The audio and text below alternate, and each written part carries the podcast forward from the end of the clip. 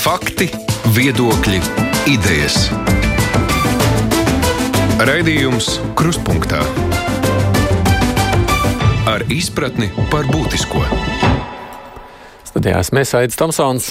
Mēs šodien gribam saprast, kas notiek ar vakcinācijas procesu un kāpēc mums ar labiem nodomiem, bet tie tik raibi. Tas, kas notika pagājušās brīvdienās, kad pilsētās tika atvērti lielie vakcinācijas centri, ir radījis vēl vairāk jautājumu nekā līdz šim. Kamēr vieniem ir laba pieredze, tur ir pateicības vārdus, tikmēr cits stāsta gaužām interesants piedzīvojums. Nu, nav nekāda pamata neticēt gan vieniem, gan otriem. Turklāt fakts, ka lielākā daļa cilvēku, kas iepriekš bija pieteikušies vakcīnai, paši no šīs iespējas ir atteikušies, arī tāds pamatīgu pārdomu vērts. Kas tad notiks tālāk? Kam jānotiek tālāk? Un vai kādas mācības mēs spējam izvilkt no notikušā līdzinējā? Šodien raidījumā piedalās veselības ministra padomnieks rīcība politikas jautājumos Kaspars Vērziņš. Labdien jums! Labdien! Vakcinācijas biroja vadītāja Ieva Jukņēviča. Labdien jums! Labdien! Kā arī ģimenes ārsts Sandrs Baumans. Sveicināti! Jā, labdien! Un no lauka ģimenes ārsta asociācijas Ainas Zelps. Labdien! Labdien! Mēs redzējuma laikā uzklausīsim arī klausītāju komentārus un jautājumus. Tādēļ rakstiet vēlāk, arī pēc kāda laika varat zvanīt. Ļoti daudz emociju saistās tieši ar indu veidošanos. Tur kādi, kas ir ar kroniskām slimībām un pat senioru gados, sūdzas, ka viņiem neviens nezvar, neko nepiedāvā, kamēr var vaļā tikai nākamās grupas, citiem manās paši doties un tikt pie vakcīnām. Teikšu, kā, ir, kā man tas izskatās, ka tie centieni visu Latviju šādi centralizēti saorganizēt ir pārāk sarežģīti. Tam ir vajadzīgi milzīgi resursi, un tāpēc tās vīles tā kā irst gandrīz vai katrā maisa stūrī. Kā ģimenes ārstiem, Baumaņkungs, vispirms jums nešķiet, ka vajag mazliet mazāk censties to visu tā centralizēt, kontrolēt, vairāk uzticēties, nu kaut vai jums kā ģimenes ārstiem? Saprast divas lietas, kad uz šobrīd Latvijā vakcinācija veids 300, 636 prakses apmēram tā. Ja katra no šīm praksēm vakcinē katru dienu 11 cilvēkus, tik cik Latvijā devas, tas nozīmē, ka mēs varam ļoti lielu skaitu novakcinēt, veltot tam 2,5 stundas dienā no sava darba laika. Tas nav mazs laiks no pieņemšanas laika veltot. Bet, ja mēs parēķinām šo 600 reizes 10 kaut vai sēdi, tas ir 6000 reizes 5 dienas. Tie ir vismaz 33,5 tūkstoši, ko var tikai ģimenes ārsts novakcinēt bez lieliem vakcinācijas centriem. Pie noteikuma, ka pietiek vakcīna, bet vakcīna tik, cik viņas ir, tik viņas arī ir. Vairāk viņas šobrīd nav. To, par ko cilvēki uztraucās, viņiem liekas, ka šo vakcīnu ir atvests vairāk nekā mēs viņus spējam savakcinēt. Tad tā ir tā kļūda, par ko viņi pa telefonu jautā, jo viņiem tas sajūta, ja atver liels vakcinācijas centrs, to vakcīnu ir ļoti daudz. Bet uh, ievesto skaits 235,000 devas dalīts uz divi, tas ir knapi pietiek 100 tūkstoši iedzīvotājiem, bet 2 miljonu valsts. Nu, proti, ja skatās no tādas skatu punkta, kā jūs, kā ģimenes ārsts, nu, jūs, kam piezvanāt, ja tie, kas sastājas rindā, nu, jūs tur taču tiekat galā apmēram jums nav tā, ka kādas sarunātie neatnāk, kur kas grib atnākt, tie tad tiek, tā taču nenotiek pie ģimenes ārstiem, vai ne? Tātad tā jēzga visa sākās ar to brīdi, kad tika izveidot divi saraksti. Viens pie ģimenes ārstiem, otrs mana vakcīna LV. Un šos sarakstus pēc tam bija jāliek kopā. Tātad, ja tas būtu viens saraksts, tas būtu loģiski vienkāršāk. Bet šāds saraksts viens varētu būt tikai tiem ārstiem, kas paši vakcinē un kuriem šie dati ir elektroniski apstrādāti. Tad ārsts, kurš strādā lokālām datorprogrammām, kur var izveidot sarakstu ar chroniskiem pacientiem, pacientiem, kur atrodas noteiktā prioritārā grupā, kur tiek vakcinēta, šo sarakstu ar visiem telefoniem dabūt ārā no sistēmas nav problēmas. Tas ir dažs taustiņu kustības datorsistēmā. Bet arī tā, ka viņi mēģina runāt gan ar jums, gan mēģina saprast, vai var tikt uz vakcinācijas centru. Nu, proti, visādos veidos, vai ne? Mēģina tikt pie tās. Mēs esam pārāk maza valsts, divi miljoni iedzīvotāji. Saprast, visi šie dati pamatā atrodas pie ģimenes ārstiem. Nu, problēma ir tiem, kuri nevakcinē, bet tiem, kuriem šie dati ir pieejami, es domāju, ka viņi šo sarakstu varēja izveidot ļoti ātri. Hmm. Ja skatās no lauka ģimenes ārsta skatu punkta, kā jums tur tā situācija ir šobrīd? Nu, mums, protams, arī domāju, vakcinācija šī brīža apstākļos ir tāds izaicinājums pilns pasākums, ko mēs uh, mēģinam realizēt. Kā jau jūs arī minējāt, tad ģimenes medicīnai un ģimenes ārstiem nu, ir priekšrocības. It sevišķi, ja mēs runājam par senioru un par hroniski slimu pacientu vakcināciju. Pacienti zina, kur atrodas ģimenes ārsts, zina, kā viņus sazināties. Vairumā gadījumā ir izveidojies tāds uzticams un adekvāts kontakts, un cilvēki var noskaidrot šo nepieciešamo informāciju un saņemt arī šo pakalpojumu. Strādājot vairāk lauka teritorijās, un arī pārunājot arī ar kolēģiem, no tādas, teiksim, mana vakcīna.lv ietekmi uz vakcinācijas procesu, tur organizāciju vai pacientu izvēli, mēs tā īsti neesam jutuši. Lauku ģimenes ārsti ir saņēmuši varbūt kaut kādus 10, 15 tādus uh, uzaicinājumus, nu, tātad, kopā, ka mūsu arī pacienti ir saņēmuši, un pārsvarā visi gribētāji ir apkalpoti. Tas arī, ko norādīja dr. Baumanis, ir tas, ka tomēr nu, ģimenes ārsta praksēm, ja mēs runājam par tādām masveida vakcināciju, nu, ir zināma varbūt kapacitātes ierobežojumi, jo mēs jau nodarbojamies arī ar, ar visu pārējo medicīnu, ne tikai ar vakcināciju. Un no mūsu pieredzes es gribēju teikt, ka tieši laukos saskaņot šo pacienta ierašanos konkrētā laikā, konkrētā dienā, kad mums ir infrastruktūras dažādi traucējumi, loģistikas problēmas, mums sabiedriskais transports laukos praktiski nav. Tad mums ir, ir ļoti daudz šie faktori, kas jāņem vērā, un es domāju, ka tas ir tas darba un laika ietilpīgākais moments, un, protams, šobrīd arī tas satraukums, kas ir saistīts ar AstraZeneca vakcīnu, arī ir viens tāds moments, kur mēs tieši šajā skaidrojošā darbā nu, veltam diezgan daudz uh, laika. Bet, nu, saprotot šos iegūmus un vajadzību pēc vakcinācijas, protams, mēs iespēju robežās mēģinam iesaistīties, cik no aktīvi tas ir iespējams. Es tai uzticēšanās konkrētajai AstraZeneca vakcīnai mazliet vēlāk gribu pievērsties. Es pagaidām iesāku vispirms ar šo te tehnisko rindu veidošanos. Jukņēvičs kundze, skatoties uz visām tām atsauksmēm, kas parādās sociālajos tīklos, nu, sajūta ir, ka katrs mēģina pa savu durvju šķirbu bāzt kāju, un tad nu kā, nu kuram sanāk šobrīd? Jā, es droši vien varu piekrist, ka tas ir tīri cilvēcīgi. It īpaši, ja cilvēks ir pieteicies jau pie ģimenes ārsta, tad ģimenes ārsts, tā kā pieņemsim, Zāles kungs teica, viņam ir saplānots kalendārs, cilvēkam vēl uzreiz nepiezina, varbūt ar viņu nesazinās, tad cilvēks mēģina manā vakcīnā. Tur varbūt viņam arī dzen, uzreiz nepienāk īziņa ar, ar aicinājumu nākošajā dienā jau doties. Līdz ar to man liekas, ka tas ir arī tāds cilvēciskais faktors, kas mums ir jāņem vērā. Mūsu gadījumā, protams, ka mūsu galvenā vietne, kur cilvēki piesakās un kur mēs, mēs joprojām aicinām visus pieteikties, mana vakcīna.clv, vai arī, ja ir vieglāk pa tālruni, tad 8989. Jo tādā veidā mēs tiešām varam veidot šo vienoto rindu. Jo, ja mēs paskatāmies, tagad mēs esam patiesībā tādā vakcinācijas procesa sākuma posmā īstenībā. Jo patiesībā, nu, ņemot vērā to, ka mums ar katru, katru dienu parādās jaunas vakcīnu piegādes, mēs tuvojamies ar vien straujāk, mēs tuvojamies masu vakcinācijai. Un, un vienotas rindas esamība nu, tādā masu vakcinācijas procesam būs, ļo, procesā būs ļoti izšķiroša. Bet vai jūs teiktu, ka tā vienotā rinda strādā vai nestrādā? Jo tik cik mums tie ļaudis raksta, nu, tāda sajūta, ka viņi beig beigās nu, īsti jau vairs neusticas tai vienotai rindai. Būšu godīgi, mums patreiz iet ļoti grūti.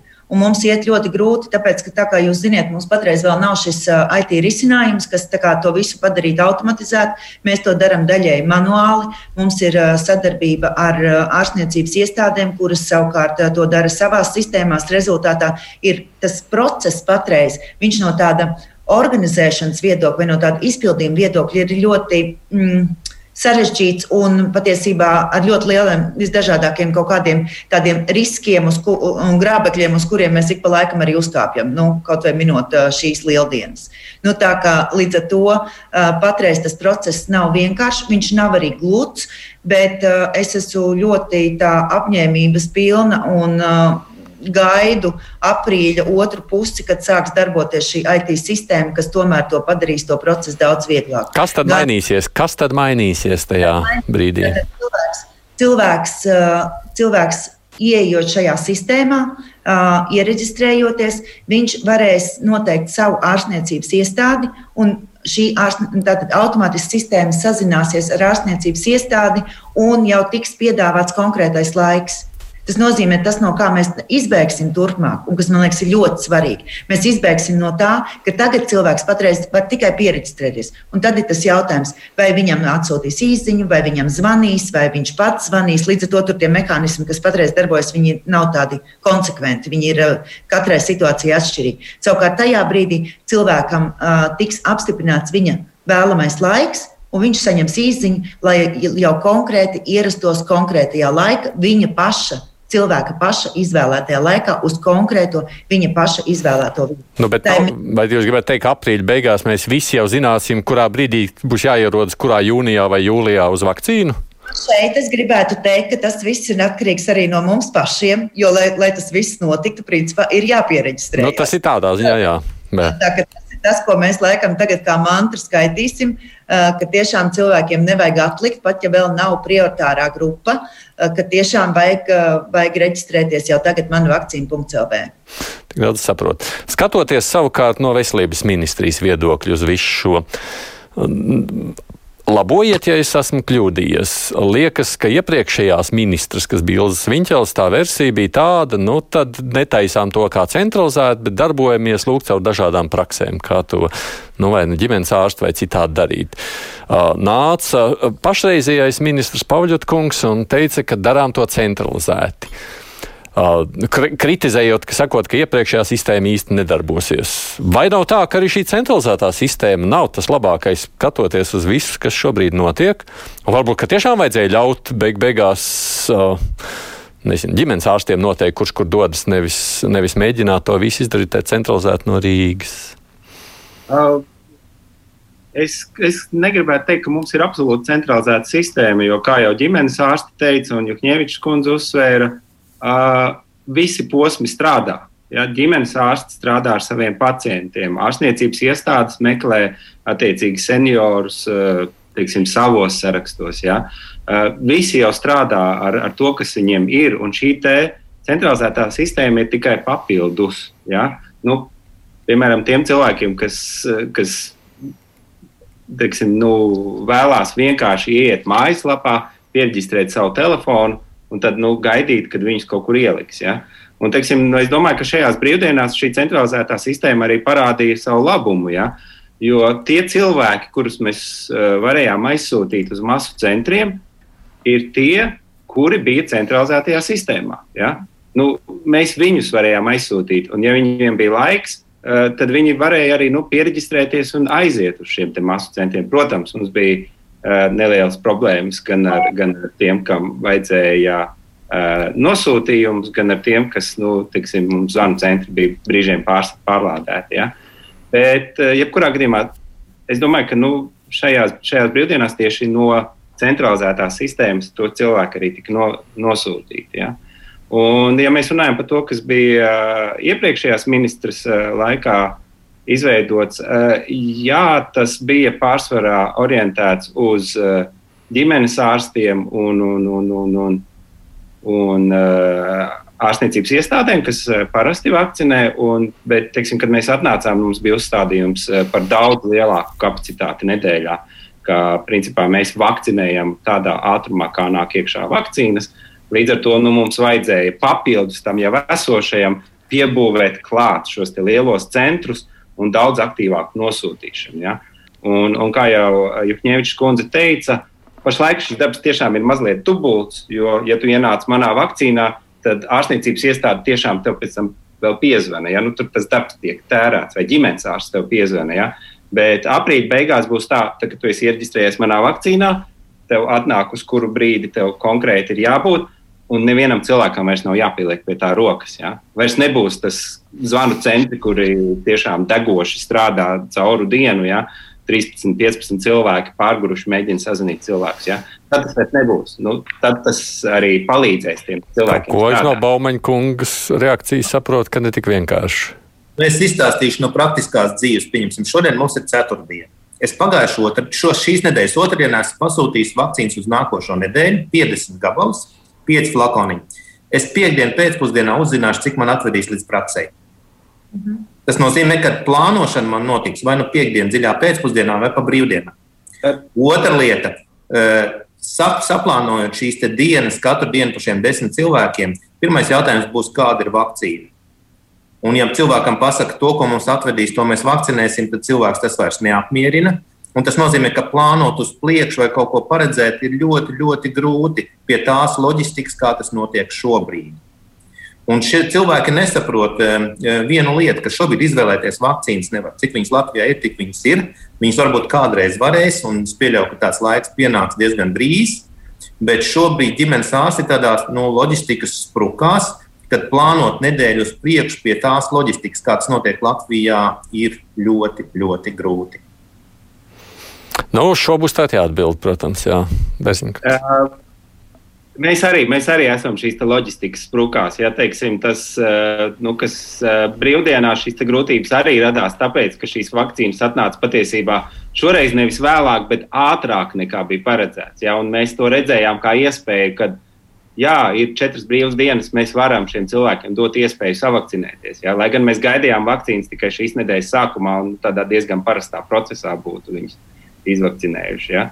Un līdz ar to nu, tas bija mazliet sasteigts gan komunikācijas ziņā, kā tālāk. Tas bija nu. jauna nu. iespēja, kas radās. Nu jā, bet nu, ko nozīmē? Es gribētu teikt, ka aprīļa beigās, kad eh, šī jaunā sistēma būs, mēs ceram, ka tad arī būs eh, vakcīnu apjomi būs nostabilizējušies, un tad tiešām varēs plānot ģimenes prakses nu, daudz labāk šo darbu. Ja? Nu, mēs tiešām ceram, ka tās vakcīnas beidzot nāks iekšā. Bet teiktais par AstraZeneca vakcīnām 60%, ja es pareizi saprotu, bija atteikušies no tiem, kas bija iepriekš pieteikušies vakcīnām, un šis nav jautājums, ko jūs varat izplānot un sacīt jūnija beigās būs vai nebūs. Ļaujiet tad saprast, kā uz šo jautājumu atbildēt. Nu, kurš no jums? Jukņevičs kundze. Nu, patiesībā, ja mēs tagad paskatāmies no tādām plānotajām piegādēm, tad īstenībā nav jau tā, ka mums tikai AstraZeneca ir. Tātad mums sāk ienākt arī Jansens. Pirmkārt, mums parādās jau gan ar mazām devām, tad mums parādās arī Pfizer vakcīnas. Tā ka līdz ar to skaidrs, ka AstraZeneca mums ir ļoti liels apjoms, bet mums parādās arī citas vakcīnas. Kas attiecās uz AstraZeneca, eh, es droši vien drīzāk ļaušu laikam eh, eh, ārstiem izteikties par šo jautājumu, bet jebkurā gadījumā, jebkura no vakcīnām, kuru mēs piedāvājam, ir droša un necītīga. Nē, to jūs varat sacīt kaut vai no rīta līdz vakaram. Tas nav jautājums, kas to atrisina. Pateikt, tas, ko es gribēju pateikt, jā, mēs arī šajās brīvdienās ļoti sajūtām, ņemot vērā visus notikumus ar AstraZeneca, mēs tiešām sajūtām uh, zvanu centri īpaši to var apliecināt, ka tajā brīdī, kad uh, cilvēks pajautā, ar kādu vakcīnu viņš tiks vakcinēts, AstraZeneca, un viņš atsakās. Nu, tas, tas bija, bet reku, droši vien Bērziņkungs man var papildināt. Nu, es, es domāju, ka šajā gadījumā tas mums tiešām radīja vairāk tādas nu, vadības problēmas, ka bija sagatavoti saraksti. Viņi bija pat vairāk nekā vakcīnas cilvēki, ja, bet tad sāka krist nost. Mums bija ar steigu jāmeklē jauni, ja, kas radīja to problēmu. Kad... Jā, bet, bet šajā kontekstā jūs sakāt, ka aprīļa beigās jūs. Bet, bet, tā laikā uh, bija cilvēki, viņi aizpildīja šīs vietas, kuri bija gatavi vakcinēties ar AstraZeneca. Uh, mums ir dati, ka laikam 70% no ģimenes ārstiem sola, ka viss uzkrājums, viss AstraZeneca uzkrājums līdz šīs nedēļas beigām tiks izplatīts. Jā, nē, ļaujiet man saprast to jautājumu, ko Baumaņkungs uzdeva. Sakot tā, es aprīļa beigās vēlreiz pierģistrējos, vai jūs man būsiet jau tur, ja es esmu pierģistrējies, ko es esmu, piemēram, izdarījis, acīm redzot, ielikuši tur kaut kādā, nezinu, pieņemsim 21. jūnijā, es tā, tā a priori saku. Un es jau nezinu, kādu vakcīnu, bet es pieļauju, un es tiešām redzu no cilvēku rakstītāju. Viņi saka, ja tā būs AstraZeneca, ka es nenākšu. Kas notiks tajā 21. jūnijā? Jūs redzēsiet, ka 60% neatnāk, bet jūs jau to redzēsiet māja beigās. Kur būs tas risinājums? Vai jūs beig beigās sacīsiet, nu labi, ļausim izvēlēties? Vai jūs piekāpsieties kaut kādai, nezinu, vakcinētā, vakcinējamo cilvēku šantāžai, vai sacīsiet, nu tad 60% nevakcinējas. Nu, kur būs tas jūsu piedāvātais nu, nu, reakcija uz šo visu? Nu. Es, es domāju, ka līdz tam laikam būs gan daudz cilvēku, jau ir savakcinējušies, gan AstraZeneca, un es ceru, ka nu, uzlabosies šīs te, nu, tas ir tikai viens. Jā. Jā, bet, bet kas attiecās, uh, mums bija pat domas, ka iespējams, ka mazliet brīvāk palaidīsim nu, tos, kas ir gatavi vakcinēties ar AstraZeneca un pat nav varbūt prioritārajās grupās, mēs viņus varētu mēģināt laist ātrāk. Ja? À, tādā un, ziņā, ka varētu būt risinājums, nu, tie, kas, ne, kas ir gatavi ar AstraZeneca, nu, tad lai iet. Apmēram tā. Tas grib, jā. Bet, protams, vakcīnai nav nekādas vainas. Tā tiešām ir nu, tas. Nu, jā, es jau teicu, jūs to varat teikt no rīta līdz vakaram, Ikņēvičs kundze. Jā, es vēl gribēju tikai Bērziņkungu papildināt, jo patiesībā tas, ar ko mēs saskaramies patreiz ar nu, teiksim, cilvēku priekšstatiem par AstraZenekas vakcīnu, tas jau nav tikai pie mums. Protams, to, tā ir visa, visa Eiropa, visa pasaule. Visa Eiropa. Un īstenībā, ņemot vērā, ka, nu, es tagad gribu teikt tā, ka visa Eiropa patreiz strādā uz to, lai kaut, nu, spētu pārliecināt cilvēks par AstraZenekas. Uh, Vai arī viņas pat patiesībā mēs jau redzam, ne tikai Lielbritānija mazāks skaits, bet ir jau virkni valsts, kas saka, mēs vakcinēsim tur tikai 60. Plus. Viņi nemaz vairs nepiedāvā tiem jaunākajiem cilvēkiem. Arī tā tas šobrīd notiek.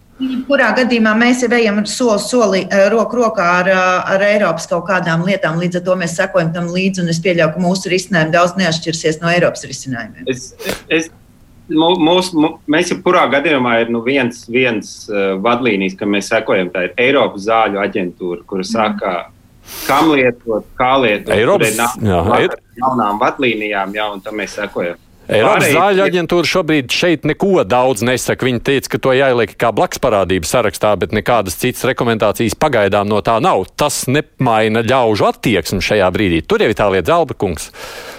Jā, paldies. Nu, šis jautājums ir ārkārtīgi aktuāls šobrīd. Es domāju, mēs kā ģimenes ārsti redzam tieši to pašu, kā, kas tika piedzīvots arī šajos lielajos vakcinācijas centros - šī nedrošība un, un šie atteikumi.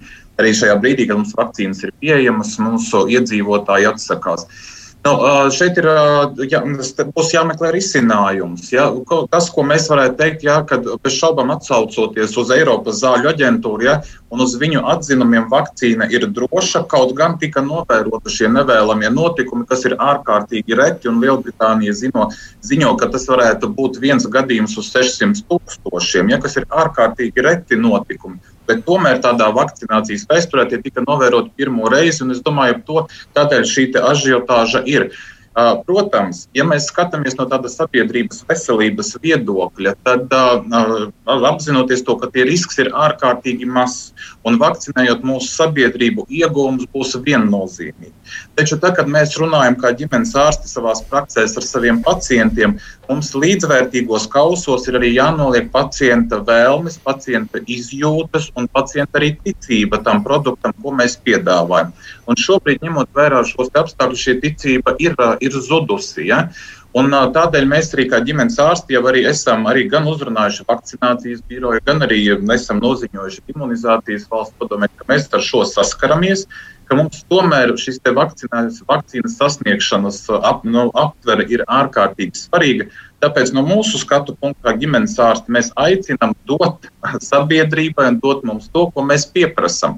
Protams, tas ir ārkārtīgi liels izaicinājums, bet mēs nu, tādi nu, diezgan interesanti piemēri, ko mēs varētu teikt, no Izraēlai kaut kā tas izdevās. Ja? Tātad ir kaut kādi paņēmieni. Paskat, paskatīsimies uz Amerikas Savienotajām valstīm, kas notika, kad bija cimdu un masku deficīts. Kā viņiem izdevās, viņi pat uh, Vāciju ap kaut kādā veidā apzaga un dabūja šos cimdus un nogādāja uz savu valsti. Nu, tad es domāju, ka mums šobrīd, jā, vakcīna ir droša, vakcīna ir efektīva, tas netiek apšaubīts, bet tur ir tāda šaubu ēna par to.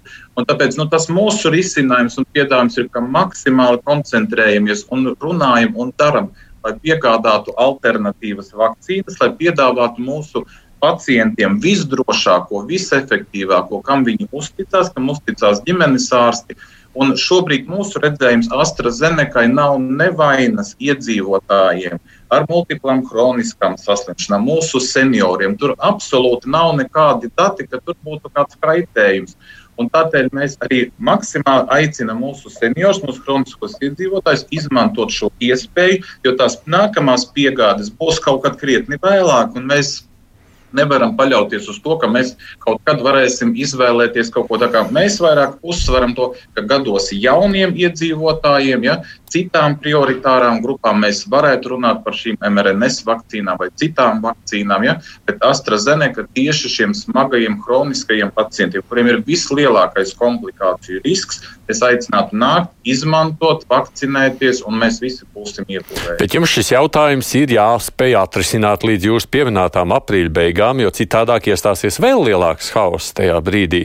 Ja es saņemu īziņu, bet beig beigās neatnāk un tādā veidā neatnāk, tad jau tur tā ātrā reakcija būs vēl sarežģītāka. Baumaņkungs, no jūsu pieredzes skatoties, cik jums nācies ir šobrīd atteikt, ja, ja, nu, proti, cik daudz cilvēku ir atteikušies no vakcinācijas, ja jūs tā mēģināt saprast? Visgrūtāk bija tātad 1. aprīlī, tātad plānojot šo nedēļu. Tātad pirms tam lielajām brīvdienām, kur bija tā, ka 60-70% pajautāja, kur vakcīna un tiešām atteicās. Mm.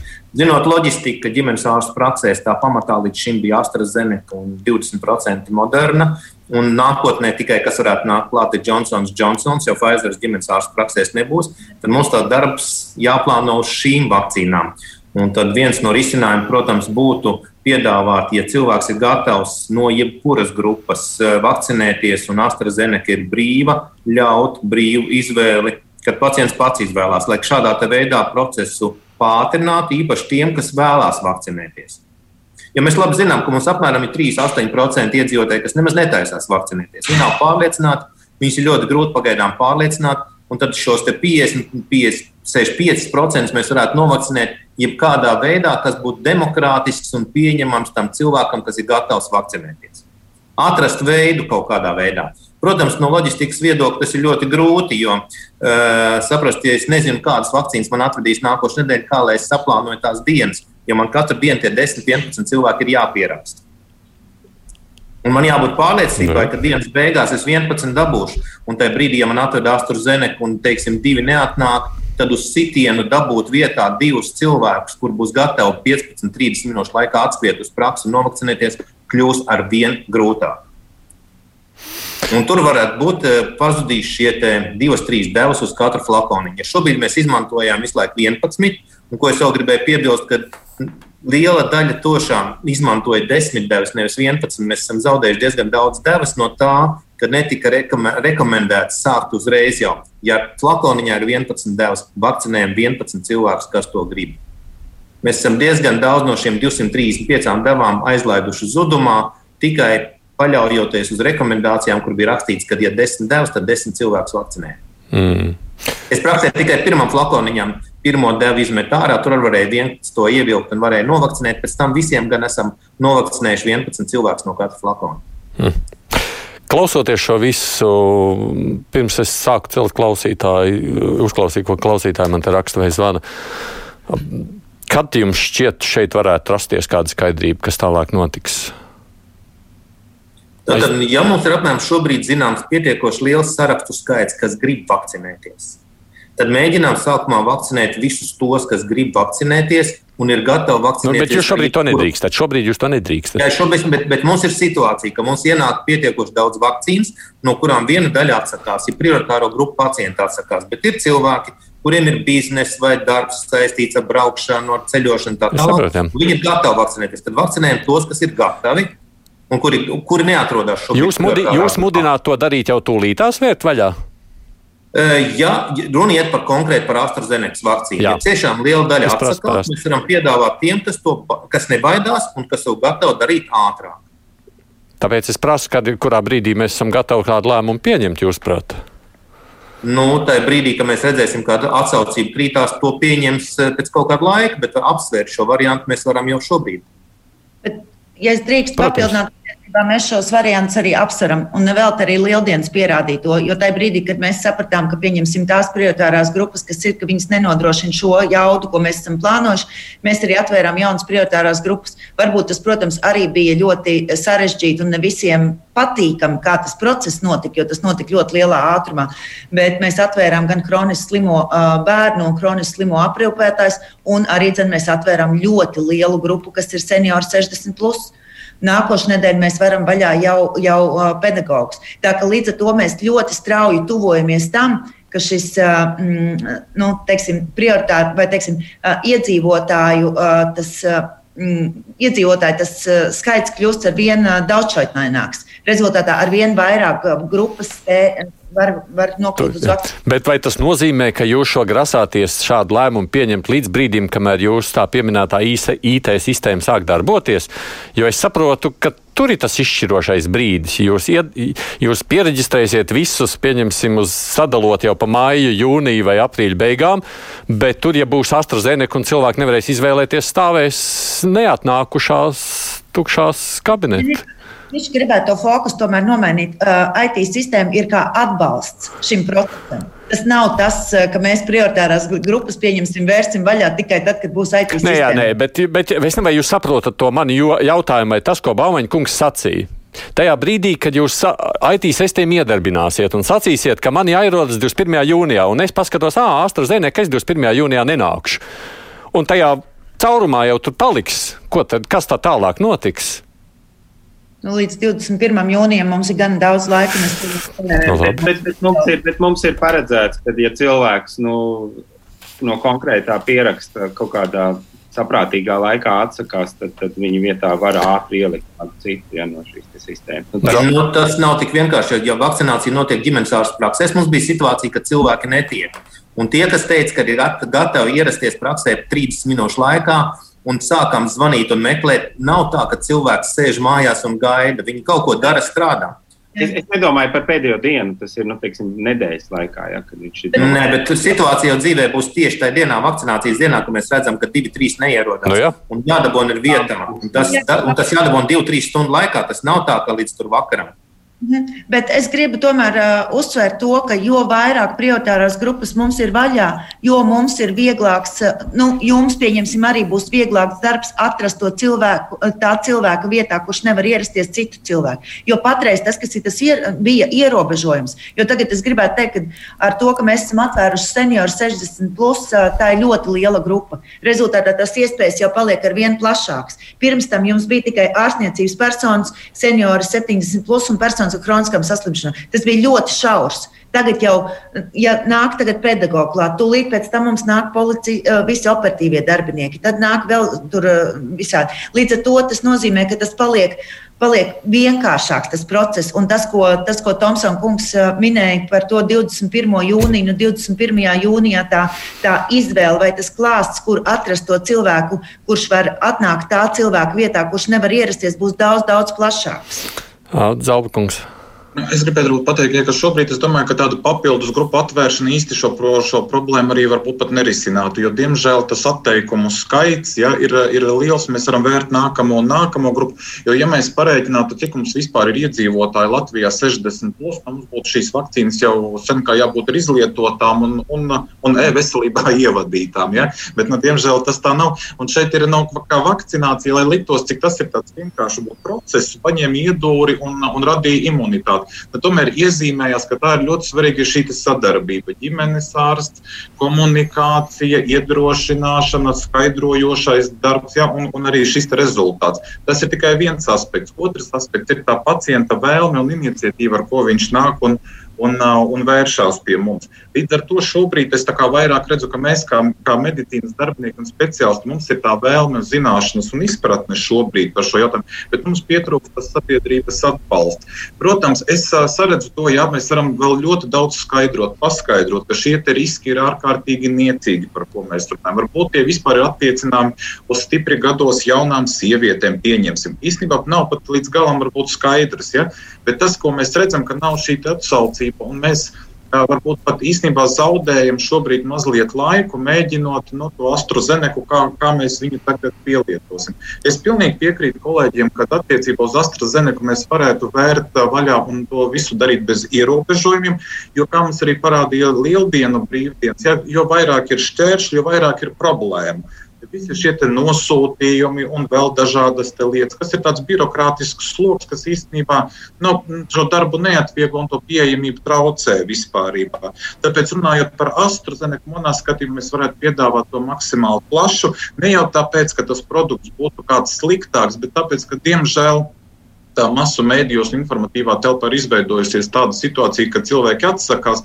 Es domāju, ka daudzi būs vienkārši, kas piekrīt to darīt, būs visumā ieguvēji. Ja? Gan dabūs šo vakcīnu ātrāk, ātrāk iegūs imunitāti un būs brīvāki savā rīcībā. Ja? Un, un mums nevajadzētu būt tik ļoti koncentrēties uz šīm grupām. Bet, bet vēl ko es gribētu piebilst, ka vispār tiekties uz šo mērķa grupu vakcināciju ir ārkārtīgi svarīgi. Jo Eiropas um, slimību profilaks un kontrolas centrs ir aprēķinājis, aprēķinājis, ja mēs maksimāli koncentrēsimies un vakcinēsim šos seniorus 70, plus, iedzīvotājus 60 plus, un pacientus ar uh, kroniskām slimībām, mēs samazināsim mirstību par 90% no Covid, neatkarīgi no tā, kādu vakcīnu mēs izmantojam. Tāpēc nu, šeit ir tik daudz šo jautājumu, ja? un viss šobrīd ir vairāk atdūries tieši pret mūsu sabiedrības tādām bailēm, varbūt un izpratnes trūkumu. Mums vienkārši nav laika šobrīd skaidrot. Un tāpēc, jā, es arī redzu iespēju veram vaļā, piedāvājam astru visiem, kas to vēlās, un tad tālāk varbūt risinam un gaidām šīs alternatīvās vakcīnas nu, vai kaut kā tam līdzīga, nu, lai mēs nezaudējam laiku. Mm. Jā, Ikņēķis kundze papildināt, tad pirmkārt es gribu parakstīties zem katru vārdu, ko Zābskungs teica, jo man liekas, jūs tik svētīgi to pateicāt, mums tiešām ļoti šajā, šis process ir ļoti sarežģīts. Un mēs Paldies, vislielākais paldies ģimenes ārstiem, kuri īstenībā veic ne tikai, ne tikai savu pamatdarbu un nodrošina šo vakcinācijas procesu, bet patiesībā jūs esat tie galvenie cilvēki, caur kuriem uh, pacients var uzzināt, kuru, kuru var iedvesmot, kuru var pārliecināt. Tā kā liels, liels paldies jums. Bet uh, tas papildinot par, par šo birokrātijas mazināšanu, mēs arī šo sestdienu, es ceru, ka mums tas arī izdosies, mēs veidosim tādu. Mm, atsevišķus divus uh, centrus vērsim vaļā atkal Rīgā, uh, kur mēs tad uh, veidos, nu, nodrošināsim vakcinācijas procesu bez pieraksta. Arī, dzen, arī dzen viens no mērķiem ir tieši tāpēc arī pārbaudīt, cilvēki, cik cilvēki ir atsaucīgi uz to, ko vispār nozīmē dzīvā rinda vai brīvā rinda. Mēs esam dzirdējuši, ka tāds, nu, teiksim, mums visiem ir kaut kāds priekšstats, reāli dzīvē tas nav noticis. Tā ka šo sestdienu Ata centrā un Ķīpselā mums būs šīs bez pieraksta vakcīnas. Lai cilvēki zina, tā ir AstraZeneca, jā? AstraZeneca, jā, uzreiz. Tā ir AstraZeneca, jā. jā. Es, es sapratu, Baumiņkungs. Jā, es vēl varu vēl vienu mazu niansu. Mums jārunā tomēr par pozitīvu lietu, jo iegūms no vakcinācijas būtu tāds, ka mēs tiktu vaļā no šiem ierobežojumiem, maskām un vispār. Un tas, kas mums tātad interesē, interesē kaut kā sabiedrību izglītot. Un tad viena šī daļa, kas pret vakcināciju pašlaik cīnās, ir dažādā veidā un izmanto jebkuru iemeslu, teiksim, ir šie vakcinācijas pretinieki. Un es šorīt no rīta klausījos Latvijas, Latvijas televīzijā, bija sižets no Medicīnas vēstures muzeja par to, kā vakcinācija notika, kā Latvijā pirmā valsts pasaulē, kur novakcinēja pret poliomielītu. Tad sabiedrībai pašlaik vienkāršā veidā netiek televīzijā vakarā izskaidrot šī vakcinācijas procesa. Blakus parādības tiek sniegtas atbildes uz tiem jautājumiem, kas paliek diezgan strīdīgi. Jautājums par tām pašām trombozēm, cik bieži viņas ir. Sabiedrībai tad tas, ko mēs vakarā ieslēdzot televizoru pēc darba ieraugam, ir pārāk maz. Un es uzskatu, ka tur lielākā enerģija būtu jāiegūt un e, sabiedrības izglītošanā, stāstīšanā. Un e, mēģinot atbildēt uz šo te, tā saucamo antivakseru jautājumiem, e, vai arī tām dogmām, kas tiek izplatītas cilvēku vidū, lai nograutu šo procesu. Un manā skatījumā tas ir viens ļoti neizmantots lauciņš, kas netiek pietiekoši izmantots. Jā, ir tad... konkrēts profesionāls atbildes uz jautājumiem, kas sabiedrību uztrauc, kur dēļ viņi atsakās no vakcinācijas. Es zinu, ka kolēģi Latvijas radio kā labāk dzīvot kopā ar esošiem jau šeit pārstāvjiem beidošos raidījumus, bet, protams, ka tas ir pamāts pilnīgi noteikti. Jā, jāmeklē arī citas iespējas, kā uzrunāt sabiedrību. Es saprotu, ka Baumaņa kungam arī tulītās ir tālākais darbs. Jā, Jā, man sāks pieņemšana, man diemžēl būs jāatslēdz. Tāpēc es jums saku tik daudz paldies, ka jūs esat iesaistījušies, bet mums jau apmēram 15 minūtes tomēr vēl palūkoties, ko klausītāji raksta un zvana. Es, Andris Baumans ir ģimenes ārsts Rīgā, un es saku paldies jums par iesaistīšanos. Atgādinu, šeit joprojām paliek mums vēl studijā Ainas Dalps, kurš ir no Lauka ģimenes ārsta asociācijas veselības ministra padomnieks, kas par Zbērziņš un vakcinācijas biroja vadītāju Evu Jukņēviču. Raidījums Krustpunktā. Uh, Telefona numurs 6722, 888, otrs numurs 672, 559, arī daudz vēstuļus iesākšu pašu pirmo, kas man tikko ir atnākusi raidījuma sākumā, bet viņi ir pietiekoši gara, bet uh, piņķerīgi, lai viņi nolasītu. Man sestdiena, 18.40, kas bija 8. aprīlis, pienāca ziņa, ka es esmu iekļauts prioritārā grupā vakcinēšanai kā maisaimniecība ar kroniski slimu cilvēku. Zvani, tūlīt vakcinējies jau rīt. Sapriecājos un zvanīju tūdaļ, bet man sacīnēja, ka telefons strādā tikai darbdienās līdz 17. Līdz ar to sazvanīt tajā sestdienā man vairs nebija iespējams. Ielīdu gan manā vakcīna LV atjaunoja savu info, norādot, ka es esmu šī viena maisaimniecība ar kroniski slimo. Vakar man paziņa saka, ka otra paziņa, kas viņam ir ģimenes ārsts, nevarot savākt savā praksē pietiekoši potējamos. Zvanīja, prasīja, varbūt es varu pieteikties. Nē, tomēr esot sakasījusi jau, ko vajag. Bet tā nav skaidrs, ko tam man tādu vajag vai nevajag. Prasu, vajag nosūtījumu vai nē, un kurš man pateiks, tad kurā brīdī tad es pie tās rindas tieku. Sagaidīju darba dienu, zvanu tagad uz norādīto numuru 8989. Viņi man saka, lai zvanu tiem, kas man to SMS atsūtīja. Es saku, bet viņi jau man jau atsūtīja to ziņu. Ko tam man tagad darīt? Vajag man ģimenes ārstu? Vajagot. Prasu, vai vajag manējo vai ģimenes, bērnu ģimenes ārstu, jo mums jau katram ir savs. Noskaidrosim. Gaidu vienu minūti. Beigās atbild, lai prasu šo savu jautājumu savam ģimenes ārstam aizrakstīja savam ģimenes ārstam. Viņš raksta, mēģināšu uzrakstīt es, kā tas tur notiek. Rīt no rīta došu ziņu, vai vajag man, vai bērnu ārsta ģimenes, nos, bērnu ģimenes ārsta nosūtījumu. Vārdu sakot, sajūtu, ka tur visiem iet ļoti jautri. Mani gan viss šī ņemšanās saniknoja, jo es varbūt esmu apsviedīgi, gan jau kādā brīdī tikšu pie tās vakcīnas, bet ko tad darīt tiem citiem? Nu, lūk, tāds ļoti saprotots stāsts, kurš cilvēks ir saņēmis uzaicinājumu, bet tā arī nesaprot, kurā brīdī viņš kur varēs tālāk doties.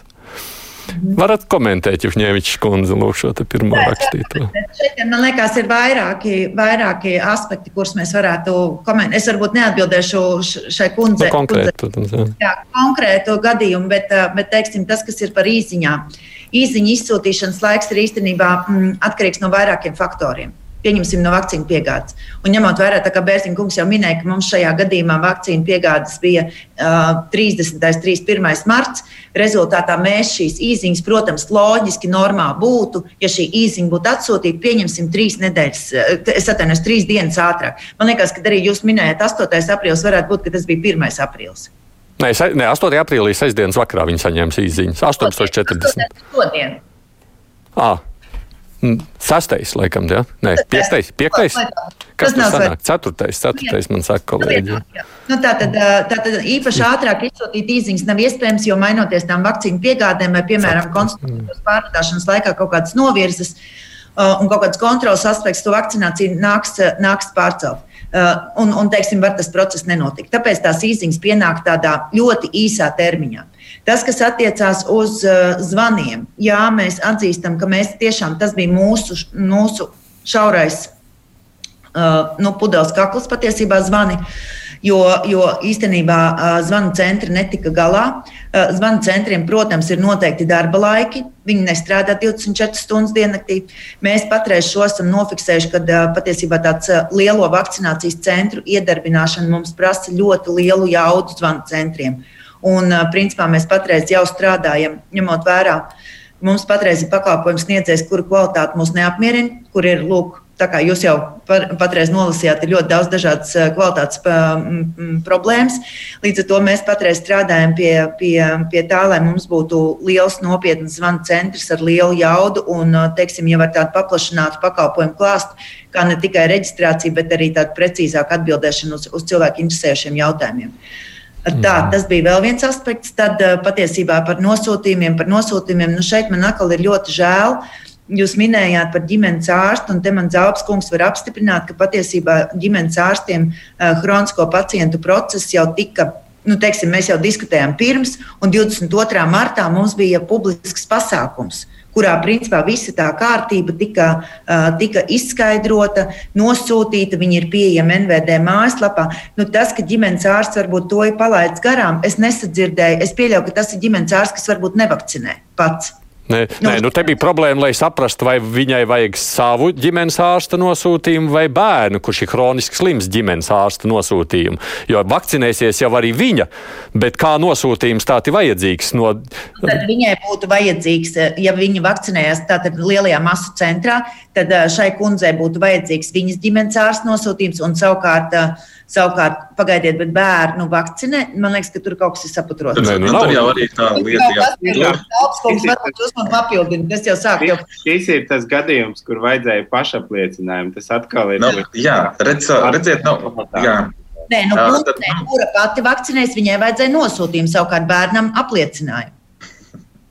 Redziet, nu, kad arī nu, kad ir diezgan tā, tā doma un ideja, ja, un ir ļoti pareiza. Ja, un kad tieši šiem te, teiksim, pēc šīs te situācijas apraksta ģimenē, kur ir šis slims bērns, kas ir ar, ar zināmu imūnu deficītu, tur ir vajadzība vakcinēt vecākus, un tur būs visi ieguvēji. Un tā, tā viss ir pareizi, bet tas realizācijas ceļš ir mazliet diezgan sarežģīts. Protams, ja mēs visi ģimenes ārsti būtu no nu, tāda ļoti uh, ar spēcīgām komandām, ja, ja, ja būtu ģimenes medicīnā Latvijā, teiksim, kā mēs pārmetam, mazliet investēt iepriekš, mazliet vairāk, mēs būtu tāds tiešām kā stūrakmens, tāds efektīvs, tad šo lielu daļu procesu varētu realizēt ģimenes ārsta praksēs un problēmu nebūtu. Bet mums Latvijā nu, ģimenes ārsta prakses ja, sastāv no vienas māsas viena ārsta, līdz ar to nu, mums ir ierobežota kapacitāte. Bet šajā gadījumā no, no ģimenes ārsta viedokļa tātad runa iet par slimu bērnu. Un katram ir reģistrēts, katram ir savs ģimenes ārsts. Ja pie manis ir reģistrēta mamma, man nav informācijas par bērnu, un es nevaru konstatēt, ka tur tiešām ir šis imūndeficīta fakts. Tātad šo zīmi, šo nosūtījumu būtu jāizsniedz tam ģimenes ārstam, pie kura ir reģistrēts bērns, jo viņš zina šo diagnozi, zina problēmu, un viņš iesaka, ka vajadzētu vakcinēt tātad vecāku. Ja? Un, un tad tas nebūtu problēma. No otras puses, arī aicinātu kolēģus visus, nu, varbūt ne, nekļūt šajā brīdī un neiesaistīties šajos birokrātiskajos aspektos. Jūs izrunājoties ar savu pacientu, jūs zinat viņu un viņu ģimenes, tās problēmas, kas tur eksistē, tos veselības stāvokļus kurš kuru aprūpē. Ja? Un mēs labprāt izsniedzam šīs izziņas un neradam kaut kādus nevajadzīgus šķēršļus. Un, ja kāda situācija ir bijusi, tad es aicinātu arī kolēģus vēlreiz būt maksimāli saprotošiem un atbalstošiem Un, un šeit nav paredzēti nekādi nezinu, ne soda sankcijas, nekādi brīdinājumi. Mēs visi, ik viens, gan veselības ministrija, gan birojas, gan ģimenes ārstu asociācijas un sabiedrība kopumā novērtēsim šo papildus iesaisti un vajadzības gadījumā šo uh, izziņu sniegšanu. Taču vairāk es arī aicinātu, teiksim, es domāju, šis bija viens no tādiem klasiskiem piemēriem, ar ko mums varbūt bieži vien arī pacienti sūdzās un saistās, ar ko saistās šī vakcinācijas norise.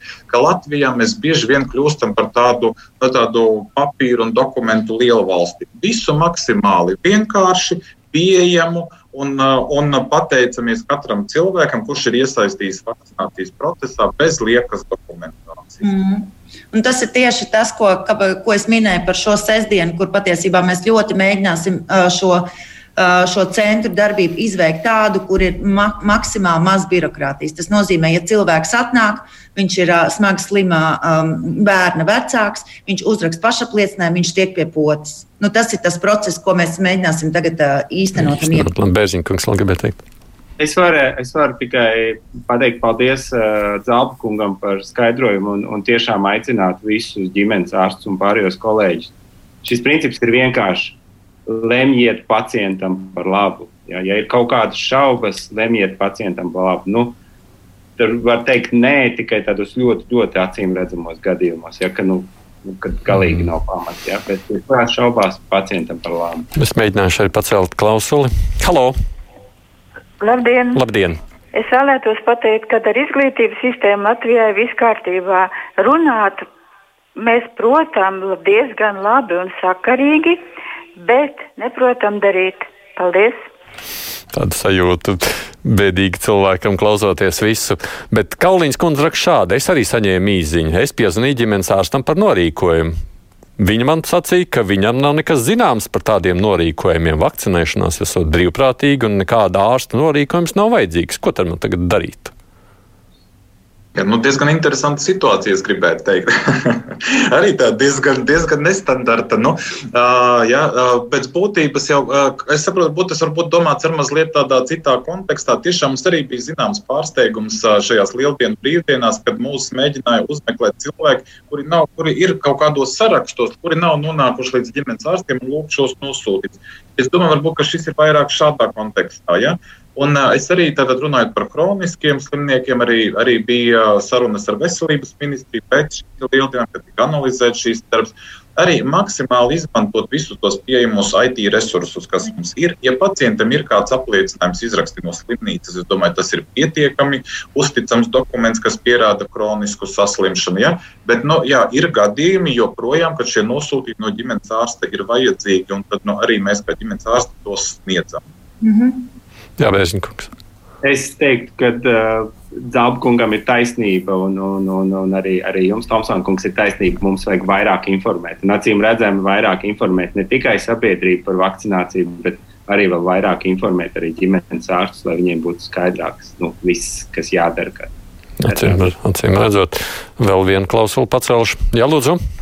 Labdien! Labdien. Man ir 74 gadi, man ir sirds stimulators, man ir divreiz likti stenti, un man AstraZeneca pirmo reizi vakcinēja 20. februārī.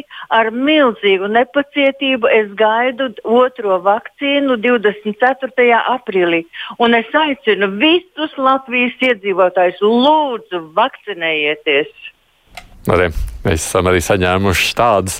Starp citu, nevienu vienu vēstulīti arī šādā kontekstā ir, kur cilvēki saka, ka patiešām viņiem viņi ir vakcinējušies un aicina arī to darīt. Viņi nejūt nekādas problēmas ar visu šo. Uh, nu, vēl te viena māma raksta, bet varbūt tā problēma, ka mums tie noteikumi tā mainās, ka mēs nespējam izsekot līdzi. Nu, tā problēma tā ir. Ko kurā brīdī vajag vai nevajag, kurš kurā mirklī ir jā, kur jādodas vai kur nē. Tās informācijas ir ļaudīm par maz. Atgādiniet vēlreiz, nu, kur tad es varu savākt visu to vienkopus. Es neslēpšu.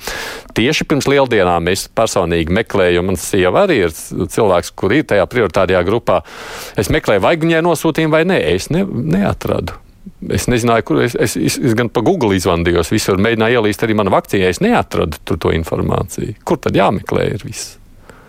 Jā, nu, laikam jūs norādījat uz ļoti konkrētu problēmu, ko mēs esam paši savā, star, savā pusē arī nofiksējuši, ka laikam iztrūkst tā viena vienotā vietne. Jo teorētiski šī vietne ir, šī vietne ir NVD mājaslapa, kurā ir principā visa informācija. Bet varbūt, varbūt vienkārši no malas ir gan sarežģīti un būtu, būtu daudz jaukāk, ja mēs šādu visu informāciju varētu, nezinu, ar kaut kādiem kanāliem novadīt, eh, nezinu, publis, eh, publiskajos portālos. Mm, bet eh, patiesībā, ja es tagad drīkstu vēlreiz atgādināt, tad principā tā reģistrācijai ir jāizmanto mana vakcīna LV vai pat tālruni 8989. Un tas ir tas, ko es gribu aicināt visus neatlikt un negaidīt savus prioritārās grupas iestāšanos, bet jau vakcinē, jau, jau reģistrēties. Nu, Man, nu, mēs savukārt no ģimenes ārsta puses, tas, ko mēs varam arī teikt, arī mūsu iedzīvotājs, mūsu pacients, mēs arī aicinām zvanīt interesēties ģimenes ārsta praksēs un jautāt. Jo mūsu praksē seniori bija aptuveni 350 vai 380. Nu, godīgi sakot, mēs lielāku, lielu daļu esam vakcinējuši un esam pat visus uzrunājuši. Bet nākamā kronisko pacientu grupa, ja, mums ir aptuveni 1000 pacienti. Nu, šeit mēs, mums nav tādu resursu, lai katru tā individuāli uzrunātu, kas arī būtu nu, arī ļoti vērtīgs darbs, protams. Un daži pacienti reizēm ir izveidojušies tāda situācija, kas kautrējās un gaida, kad viņiem kāds zvanīs un aicinās. Tad es gribētu tā, mudināt mūsu sabiedrību, zvaniet saviem ģimenes ārstiem, jautājiet un piesakieties. Un uh, vakcīnas šobrīd ir pieejamas. Jā, iespējams, kādā praksē ir kāds deficīts, bet vairumā gadījumu šobrīd ir beidzot tā situācija, ka mums ir ko piedāvāt. Uh, Interesējieties, paskaidrosim, un es domāju, ka jau nākamnedēļ šo vakcīnu arī varēs saņemt vairumā tajās praksēs, kuros šis pakalpojums tiek risinājums. Paldies, es jums saku, mums arī jābeidz. Man arī jāatvainojas klausītājiem, ka tik daudz no maz no jautājumiem mēs paspējām atbildēt, bet no tā nepieciešamība atrast atbildes, es redzu, cilvēkiem tiešām ir. Ainas Dalps ir no Laukģimenes ārsta asociācijas, Evju Kņēviča vada vakcinācijas biroja, Kaspars Bērziņš, veselības ministra padomnieks rīcība politikas jautājumos. Paldies, ka radāt laiku mums šajā stundā izskaidrot to, ko varējām izskaidrot.